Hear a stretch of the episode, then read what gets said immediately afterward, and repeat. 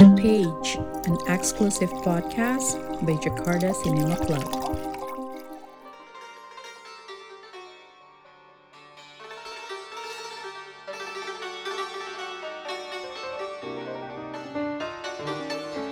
Ketemu lagi di podcast Jakarta Cinema Club. Kali ini kita punya topik yang dari Iran.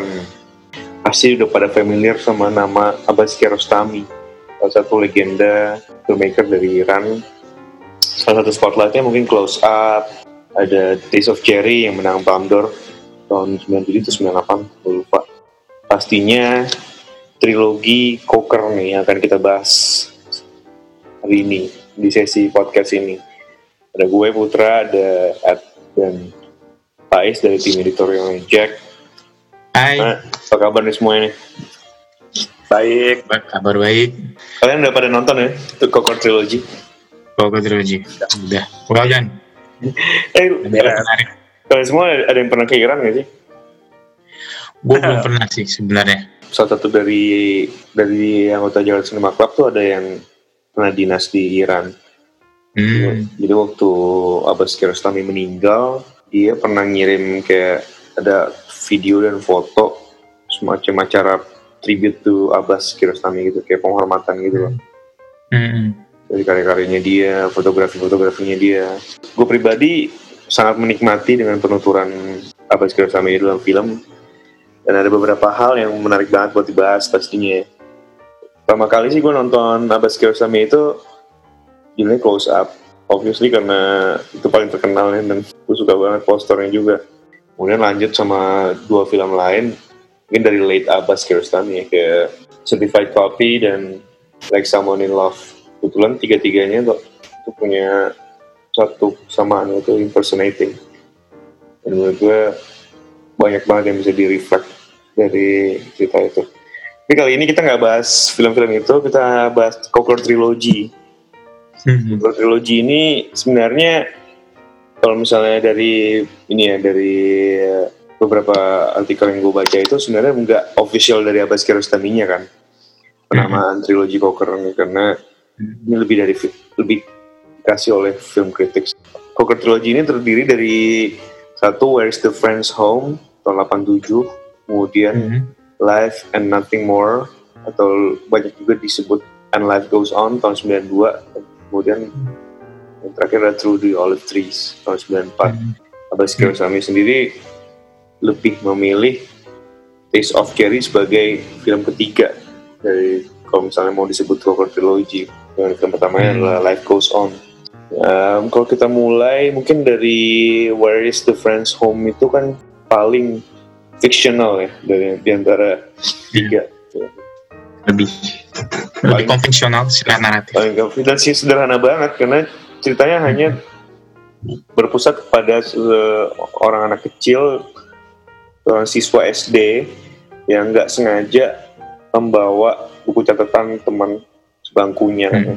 nggak nggak sengaja kemudian dia sampai dia sampai rumah dia baru sadar dia mau ngembalikan buku catatannya itu karena ya ini akan kita bahas nih karena apa gitu karena, Hmm. apa? karena takut atau karena emang itu bukunya temannya dan dan dia harus balikin cuman karena teknologi waktu itu belum semumpuni sekarang Hmm. jadi dia nggak bisa langsung menghubungi temannya itu dan mungkin Hmm. maksudnya telepon sudah ada cuman uh, di area itu di Coker itu nggak ada mereka nggak ada jalur komunikasi itu jadi si anak itu harus menyusuri area terus menyeberangi antar bukit kalau nggak salah ya Hmm.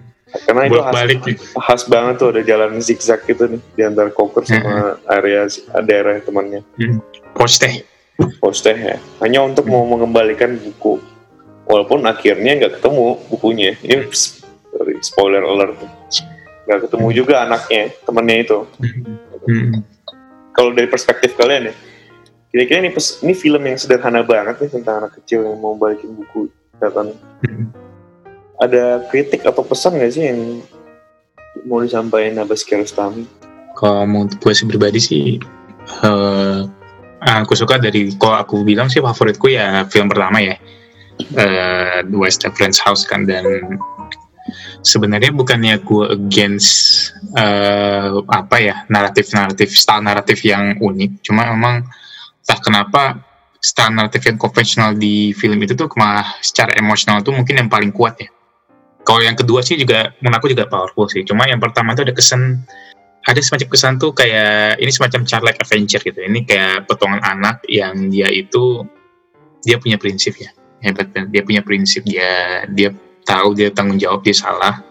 Kalau dia nggak memperbaiki kesalahan dia ini ada orang yang akan celaka gitu kan. Sebenarnya kalau kritik gue hampir gak ada sih. Ini film yang near perfect lah. Artinya apa yang dia coba lakuin tuh ya dia jalanin gue nggak bisa ngepoint flow mana pun gak ada gitu. Artinya gue nonton film ini uh, eh, gue tahu nih Kiarostami uh, dan apa yang gue ingin dapetin ya gue dapetin semua di situ dari film itu kan. Dan lebih dan lebih. Sama kan kulit Kristami Kiarostami ini melihat menggunakan naratif film ini dengan ada sejumlah scene-scene individual yang sifatnya itu ya semacam kritik lah terhadap uh, setelah parenting zaman dulu ya di mana kalau ada apa-apa ya mukul. Kalau ada apa-apa anak itu mesti dengar kata orang tua biarpun tuh apa yang diminta orang tua tuh nggak reasonable gitu nggak nggak nggak yang yang nggak ada gunanya gitu. Tapi yang penting ya lu tuh nurut gitu. Terus habis itu juga ya style parenting yang mukul-mukul. Kemudian bagaimana anak itu tuh kadang-kadang nggak dihargain juga opininya kan. Kayak uh, waktu dia mau pergi dia mau balikin bukunya dibilang ibunya lu pikirin soal ini dulu gini ini dulu dia nggak mikir dari perspektif anak itu kayak gimana kan itu sih ya menurut gue tuh film ini tuh ya sebagai kritik terhadap uh, style parenting zaman dulu Iran bukan cuma parenting mungkin kultur ya kultur kultur keluarga Iran in general dan juga sebagai walaupun kita misalnya nggak mikirin banget soal komentar itu ya dari sisi cerita itu cerita yang bisa ditonton untuk semua anak umur, semua anak semua umur dan sebagai semacam pelajaran lah tentang dari kecil itu kita harus punya sense of personal responsibility kan. Kalau kita salah, benerin. Karena kita tuh karena kesalahan itu bisa punya konsekuensi terhadap kehidupan orang lain. Dan itu emang very well delivered ya sama Gerostami sampai diadain akhir tuh gue benar kayak deg-degan juga kan akhirnya kan tapi akhirnya oh ends well lah pada alert. It's very very innocent very very simple. Uh, kayak mungkin kalau favorit Kiarostami gue ini sih mungkin. Bahkan lebih dari mungkin Test of Cherry deket lah. Tapi ini yang nomor satu gue sih buat Stephen House baru mungkin kalau film ini agak panjang ya kesannya agak panjang nih. Cuma kalau film kedua kan memang ya itu ya itu mungkin, uh, kita mau fokus ke yang pertama dulu ya. Pertama dulu ya? Oh uh. ya Nah itu sih. Mas Defensas tuh wah. Gue suka. Ini apa yang gue pengen dapat gue dapat di situ. Yeah. dan lebih gue suka banget. Ini ke apa masuk dari salah satu dari 50 film yang harus ditonton atau dianjurkan untuk ditonton sebelum umur 14. Uh. versi BFI. Kalau menurut Evan gimana, Van? Apa yang lo lihat dari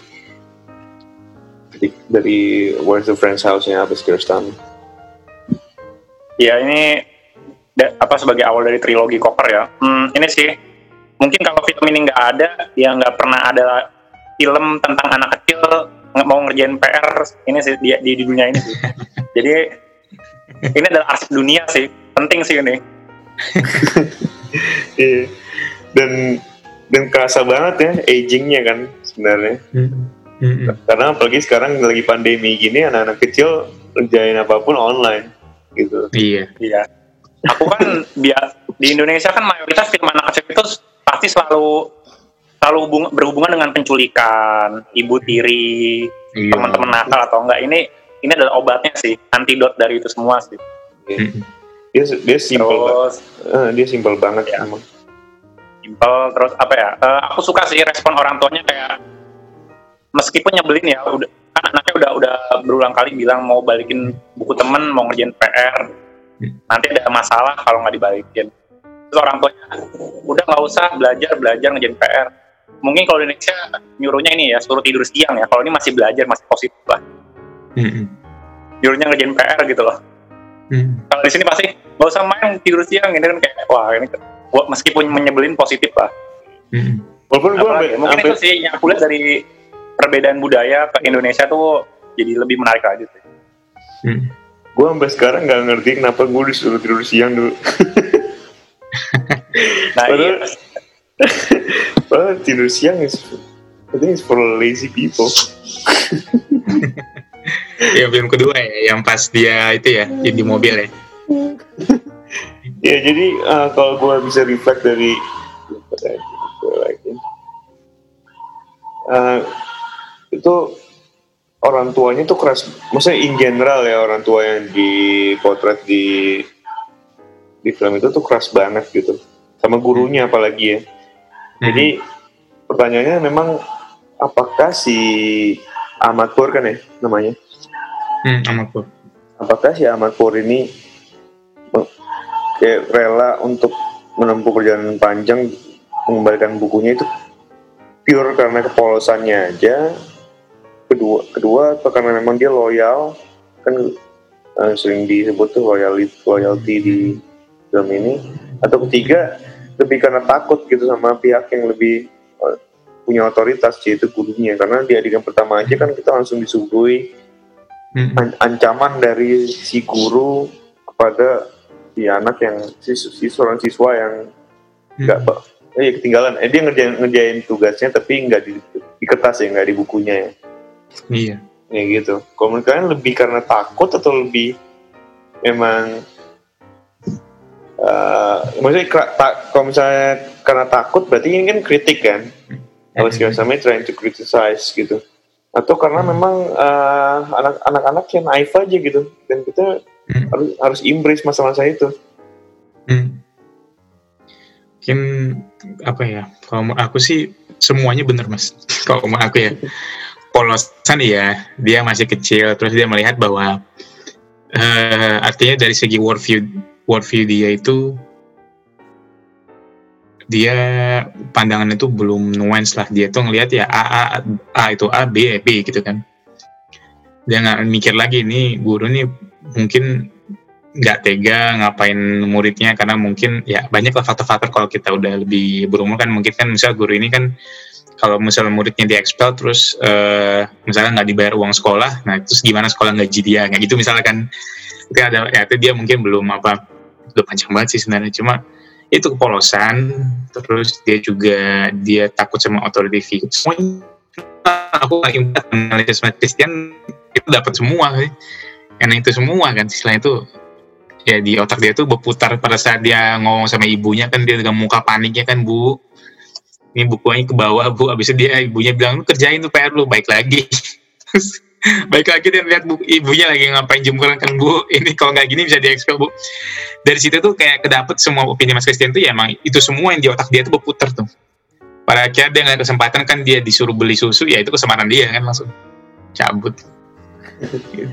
Iya, dan ada satu adegan yang men- menunjukkan banget tuh yang ot- otoritas orang tua yang ketika kakek dia apa eh, ketemu kakeknya di jalan, kemudian kak, kakeknya nyuruh dia beli apa ambil rokoknya dia kan. iya Tapi dia tapi anak si anak si Aman Pur menolak karena dia harus apa sih baik dia harus bantuin ibunya ya kalau salah ya. Iya, eh, Iya. dia dia bilang sih dia sebenarnya mau beli roti tapi sebenarnya Bake, oh iya, iya bakery ya. Heeh, dari Atau- dia sih sebenarnya dia sebenarnya akan Oke. beli roti. Iya iya iya, jadi berbohong juga sih di situ ya. Bohong juga. Gini, karena dia udah waktunya udah tipis gitu udah injury time Iya. tapi si Hmm. kakek terus maksa gitu untuk dia ngambilin rokoknya. Ketika si Ahmad Pur cabut teman kakeknya sebelahnya bilang gua ada rokok nih. Terus kakeknya bilang ya gue juga ada rokok. Gitu. Hmm. cuman gue mau tunjukin aja kalau misalnya anak kecil harus turut sama perintah orang tua. Gitu. Habis itu dia kasih uh, bukan perumpamaan kayak pengalaman dia sebagai engineer ya. Iranian engineer versus foreign engineer yang dibayar setengah dari uh, bisa dibilang expat gitu. Karena oh, sebagai orang lokal situ harus dikasih tahu berulang kali gitu. Kan sesu- suatu masalah baru dikerjain gitu. Nggak bisa langsung dikerjain aja. Gitu. Gimana Van? Menurut lo Van tadi Eh, lu, lu Kalau lebih melihat ke, sih ke ini ya. kenaifan atau ketakutan? Lebih dari ini sih minta maaf sih. Soalnya kan si karakter utama ini kan yang salah bawa buku kan karena sampulnya sama desain desain sampulnya sama gitu. Hmm. terus ini spoiler sih di adegan terakhir itu ketika PR dibuka tuh ada ada ada bunga di buku temennya itu yang kecil banget. Itu Bagus sebagai tanda minta maafnya dia sih aku rasa sih. Itu bunganya itu enggak itu bunganya ini bro. Eh kan ada salah satu adegan yang dia gue lupa nih ada ada yang metik dia metik bunga gitu kan? Ada ada satu karakter yang dia temui di jalan kan? Iya tapi kan apa namanya sebagai ini loh apa sih metafora loh metafora untuk minta oh maaf maksud gitu maksud lu metaforanya jadi dia sengaja ninggalin bunga itu? Oke Iya. oke. sebagai pembatas buku gitu loh Iya, iya. metaforanya gitu loh.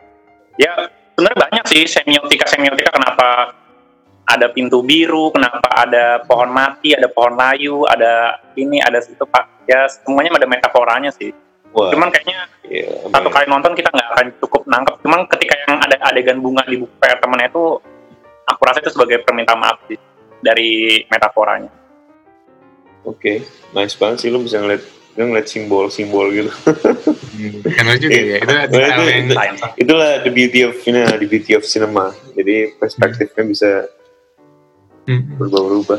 Oke nih, yang kedua adalah judul filmnya kalau di Criterion Channel kan disebut And Life Goes On. Hmm. Ini keren banget judulnya. Tapi kalau misalnya Google ada judul lain Life and Nothing More. Nah Hmm. di di film ini kita mulai mengernyitkan dahi kan karena hmm, Oke, film ini adalah eh, kisah tentang seorang filmmaker tua hmm, yang lagi road trip sama anaknya, bukan road trip karena mereka berdua tuh lagi mau mengunjungi hmm, area yang terkena gempa, gempa tahun 90 manggil Ruth Bardiran. hmm, Nah, mereka mau si bapaknya ini si director ini eh, mau mencari aktor cilik yang pernah main di filmnya. hmm, Nah kita tahu sama kita kita tahu aktor cilik itu siapa karena dia menunjukkan poster film Where is the Friends Home gitu. hmm, Oh berarti film ini adalah maksudnya ini menunjukkan kalau film yang pertama itu adalah film fiksi gitu, ya kan? hmm, hmm. Dan yang dibuat oleh director ini di film And Life Goes On, ya kan? Ini udah mulai ngaco nih jadinya kayak, kayak tatanan Udah meta banget ya. un- iya universe-nya udah, udah udah mulai kacau nih dan itu gue Iya. mulai wow hebat banget ya tapi di satu sisi em, gue me- memang gue sorry gue gue baru tahu kan gempa yang terjadi itu di itu di Iran tahun 90 dan kita bisa ngelihat bagaimana kesedihan para Hmm, para korban di area Hmm. sekitar hmm. terkena dampaknya dan Benar. tapi di satu sisi kita juga melihat semacam eksistensialisme juga di beberapa orang lagi yang lain yang kayak Hmm, pas ditanya kenapa ada adegan yang dia benerin antena gitu karena itu lagi Iya. piala dunia kan hmm, hmm. terus tampak tampak bahagia gitu karena ini film kan karena road trip jatuhnya jadi si karakter utamanya nemuin beberapa orang di jalan gitu sambil Hmm, sambil mencari tahu arah ke arah, apa, hmm. petunjuk jalan ke koker. Iya. Dia Hmm, nanya sama orang yang tadi di jalan ini, apa, lu nggak sedih ya? Mungkin lagi pada bersedih. hmm, hmm. Terus si orang yang di jalan bilang, "Hmm, ya emang sedih sih kayak kehilangan our- my little sister kalau nggak salah yang my little sister Mhm. sama kerabat yang lainnya. Cuman Piala Dunia kan 4 tahun sekali. Iya. Ini 4 tahun sekali. Kalau Earthquake kan mungkin 40 tahun sekali. Itu jawaban yang konyol menurut gue. Cuman at some point eh, kita, maksudnya kita nggak nggak merasakan itu juga kan. Hmm, hmm, hmm, Ini, ini gila juga sih salah satu. hmm. Dan banyak banget sih di situ poin-poin yang menunjukkan eh, ya, kalau satu oke ini gempa udah emang jalannya gitu God's God's Mhm. will gitu kan Iya. terus ada dikoreksi lagi nih bilang will's not willing keren banget sih Hmm, hmm. kemudian ada satu lagi karakter yang nama yang ditemuin yang menikah setelah gempa terjadi karena Hmm, hmm. karena ya ngap- ngapain lagi peduli sama yang udah meninggal kan kita Iya. melihat masa depan Ya, yang uniknya karakter itu menjadi sentral utama film berikutnya nanti Through the Olive Trees. Iya. Gitu. Nah, di Olive Trees. Nah, menurut ka- kalian ada bisa refleksi sesuatu nggak dari film Life Goes and Life Goes On Vice. Kalau gue pribadi sih, em, satu hal yang gue suka sih, eh gue kesan road tripnya dapet banget sih. Kalau gue tuh gue pengen suka film-film yang sifatnya kayak road trip gitu. Artinya kita cerita misalnya cerita eh misalnya cerita-cerita misalnya kayak apa ya mungkin nggak kayak apa ya nggak kayak on the road-nya Jack Kerouac ya cuma ada kesan tuh kayak mungkin kalau pernah lihat game sih game namanya The Last of Us tuh kayak vibe-nya mirip-mirip gitu. Jadi kayak orang itu dia dari satu poin ke poin B poin A ke poin B dan di sebenarnya yang penting itu ya di perjalanan dia itu dia ketemu apa aja existence seperti apa yang dia lihat kan. Kita pernah lihat dia satu ngelihat apa ada anak yang lucu lah situasi kayak bisa ada anak yang mau beli Coca-Cola kan terus kemudian kayak dia nyari orang-orang lagi tokonya lagi berantakan semua mas ada Coca-Cola nggak? Kayak betapa innocentnya gitu kan. Iya. terus kemudian kayak bapaknya ini juga ya masa bapaknya sih juga pengen ngelarang anaknya cuma gak enak juga kan kakak anaknya. Kan terus dia nyari Coca-Cola kok kak ya ada apa ya hal-hal yang unik lah even apa scene-scene yang unik ya di mana tuh eh banyak pengalaman-pengalaman unik yang gue suka sih di situ. In a way sebenarnya dia nggak se plot driven apa ya, nggak artinya dia nggak se plot driven West Friends House tapi dia banyak semacam arc-arc kecil lah, semacam semacam cerita short story kecil lah di interaksinya si bapak dan anak dengan orang-orang yang kena gempa ya di perjalanan mereka itu yang menarik sih. Dan hampir semua hampir semua filmnya Abbas Kiarostami memang Hmm. banyak ini ya banyak menitik beratkan percakapan kan antar Iya, manusia Tears of Cherry misalnya. semua ya, Iya. iya. gitu zaman saya di Where's the Friend's House juga perjalanan kemudian berdialog dengan Hmm. orang-orang yang dia temui di Hmm. And Life Goes On dia juga percakapan ketika si filmmaker mau mencari Hmm. aktor aktor dari Where's the Friend's Home Kalau menurut Hmm. lu gimana Ed?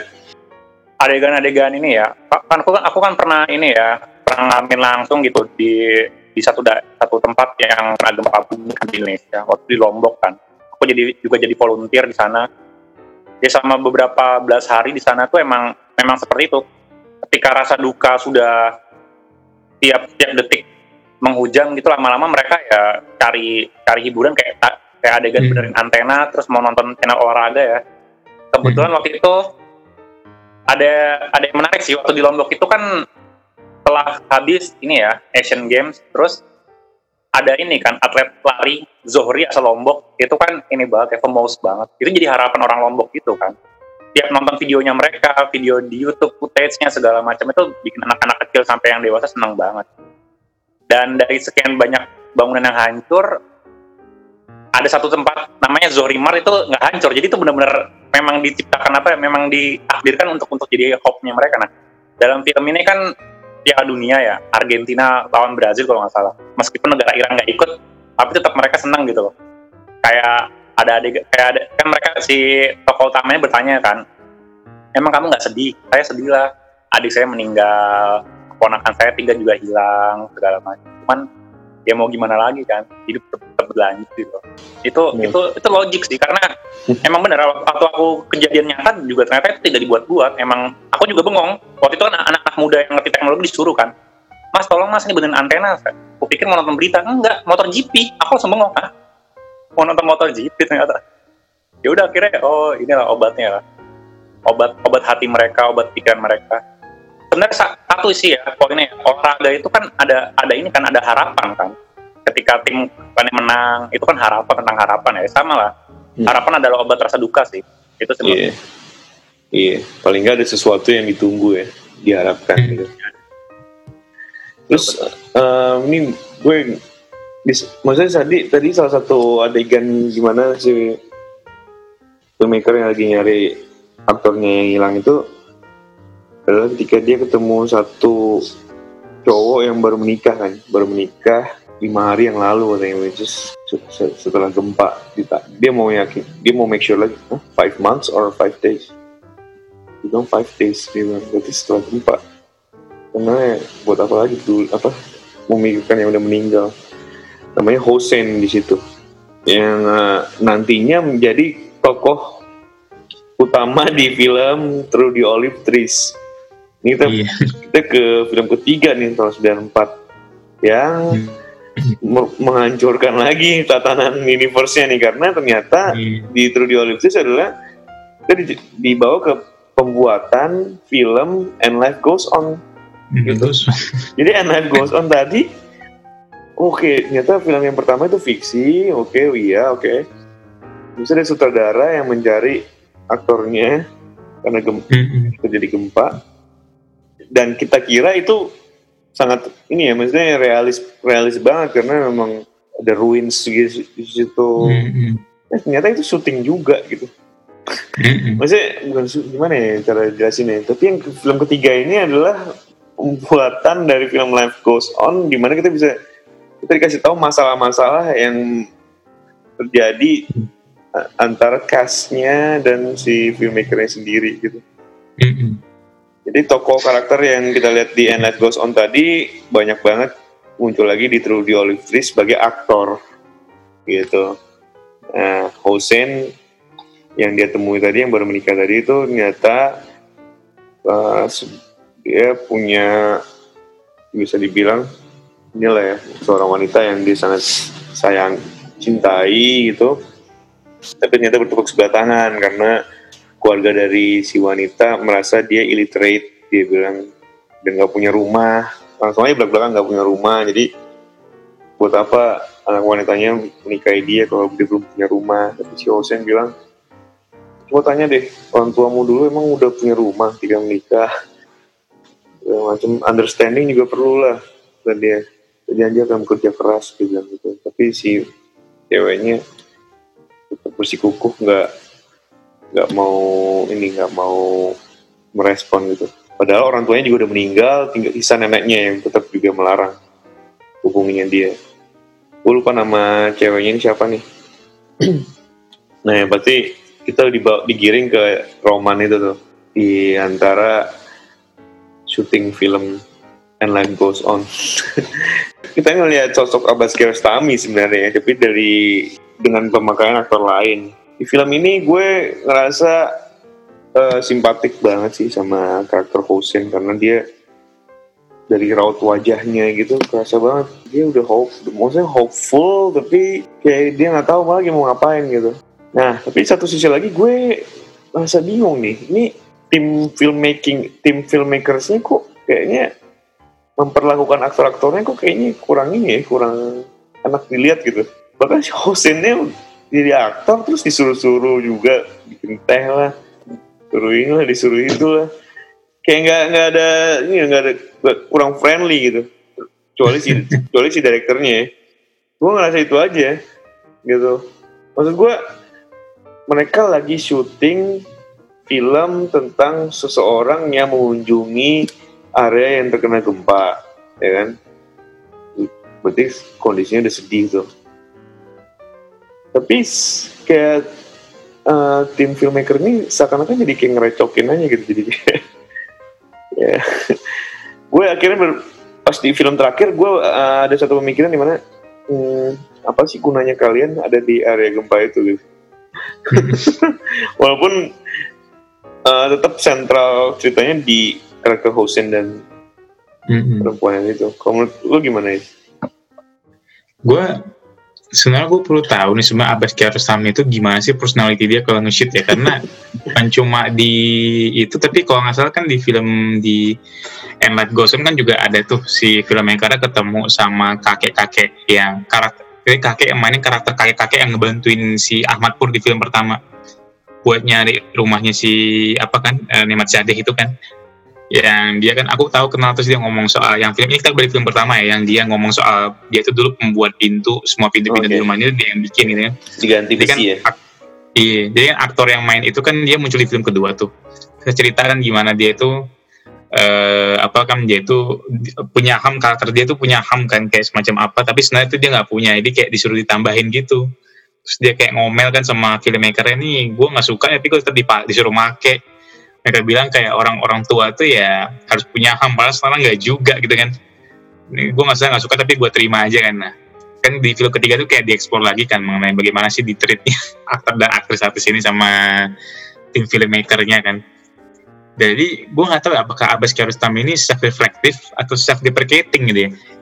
Jadi apakah dia itu emang kayak gitu orangnya kalau nge-shoot atau mungkin dia itu make fun of himself itu ya sebagai semacam comic relief nah itu aku itu memang harus kita harus tahu sih Kiarostami secara pribadi sih tapi menarik juga sih ini karena karena kemarin kan kita ngobrol-ngobrol juga sama teman kita yang lain kok dia dia salah satu yang memiliki unpopular opinion lah ya dia nggak terlalu suka filmnya Abbas hmm. Kiarostami karena karakter karakternya banyak yang nggak punya emosi gitu emotionless dan hmm. di film True the Olive Trees ini gue bisa ngerasakan itu banget karena hmm. uh, mereka making movies just for the sake for what gitu apa apa untungnya buat orang-orang yang terkena gempa gitu hmm. yeah. gitu apa ya gue nggak tahu lah Nah, maksud gue secara film ini menarik banget buat di di apa ya digali lagi gitu sih. Mm-hmm. Tapi pure karena konsepnya, karena konsepnya dia adalah behind the scene dari film dokumen sampai ke dokumenter yang ternyata uh, dokumenter juga gitu dari film satu film ini. Menurut lu gimana? Menurut lu gimana Ed? Uh, tentang film terakhir nih? Ini film terakhir ini ya benar sih dibilang dibilang unik sangat unik banget ya kayak tapi aku juga lebih suka sih kayak oh karakter perempuan di sini juga lebih banyak ditampilkan tidak seperti dua film sebelumnya terus dan tidak kebanyakan yang menyebalkan juga habis itu apalagi ya? Ya tadi sih kayak curhatan-curhatan soal laki-laki yang mau melamar kekasihnya gitu kan kayak aku jadi inget film dia yang ini kan yang apa yang versi Jepang itu yang like some unlock ya. Itu kan juga tentang usaha cowok mau deketin si cewek itu kan tapi ya ada temboknya gitu lah tembok budaya. Jadi kayak ya budaya timur tengah sama Asia sama-sama aja sih. Kalau nyari jodoh ya ada harus ada bebet bobotnya. Selebihnya ya itu tadi sih aku cuma terheran-heran kok ada yang orang di, apa ya, bikin konsep film tuh kayak gini gitu setelah film pertama adalah fiksi film kedua tentang desain aktor film ketiga malah BTS ya behind the scene tuh kayak waduh. Status lah buat Abbas iya. Dan apa nah, lanskap di sini juga punya peranan penting kan. Kita berulang kali ngelihat jalanan zigzag itu tuh di di area antar bukit di semua semua film itulah. Brings the Friends Home and Life Goes On sama Through the Olive Trees. Bahkan di akhir Through the Olive Trees tuh well akhirnya kita merasa ini ya judulnya itu makes more sense gitu.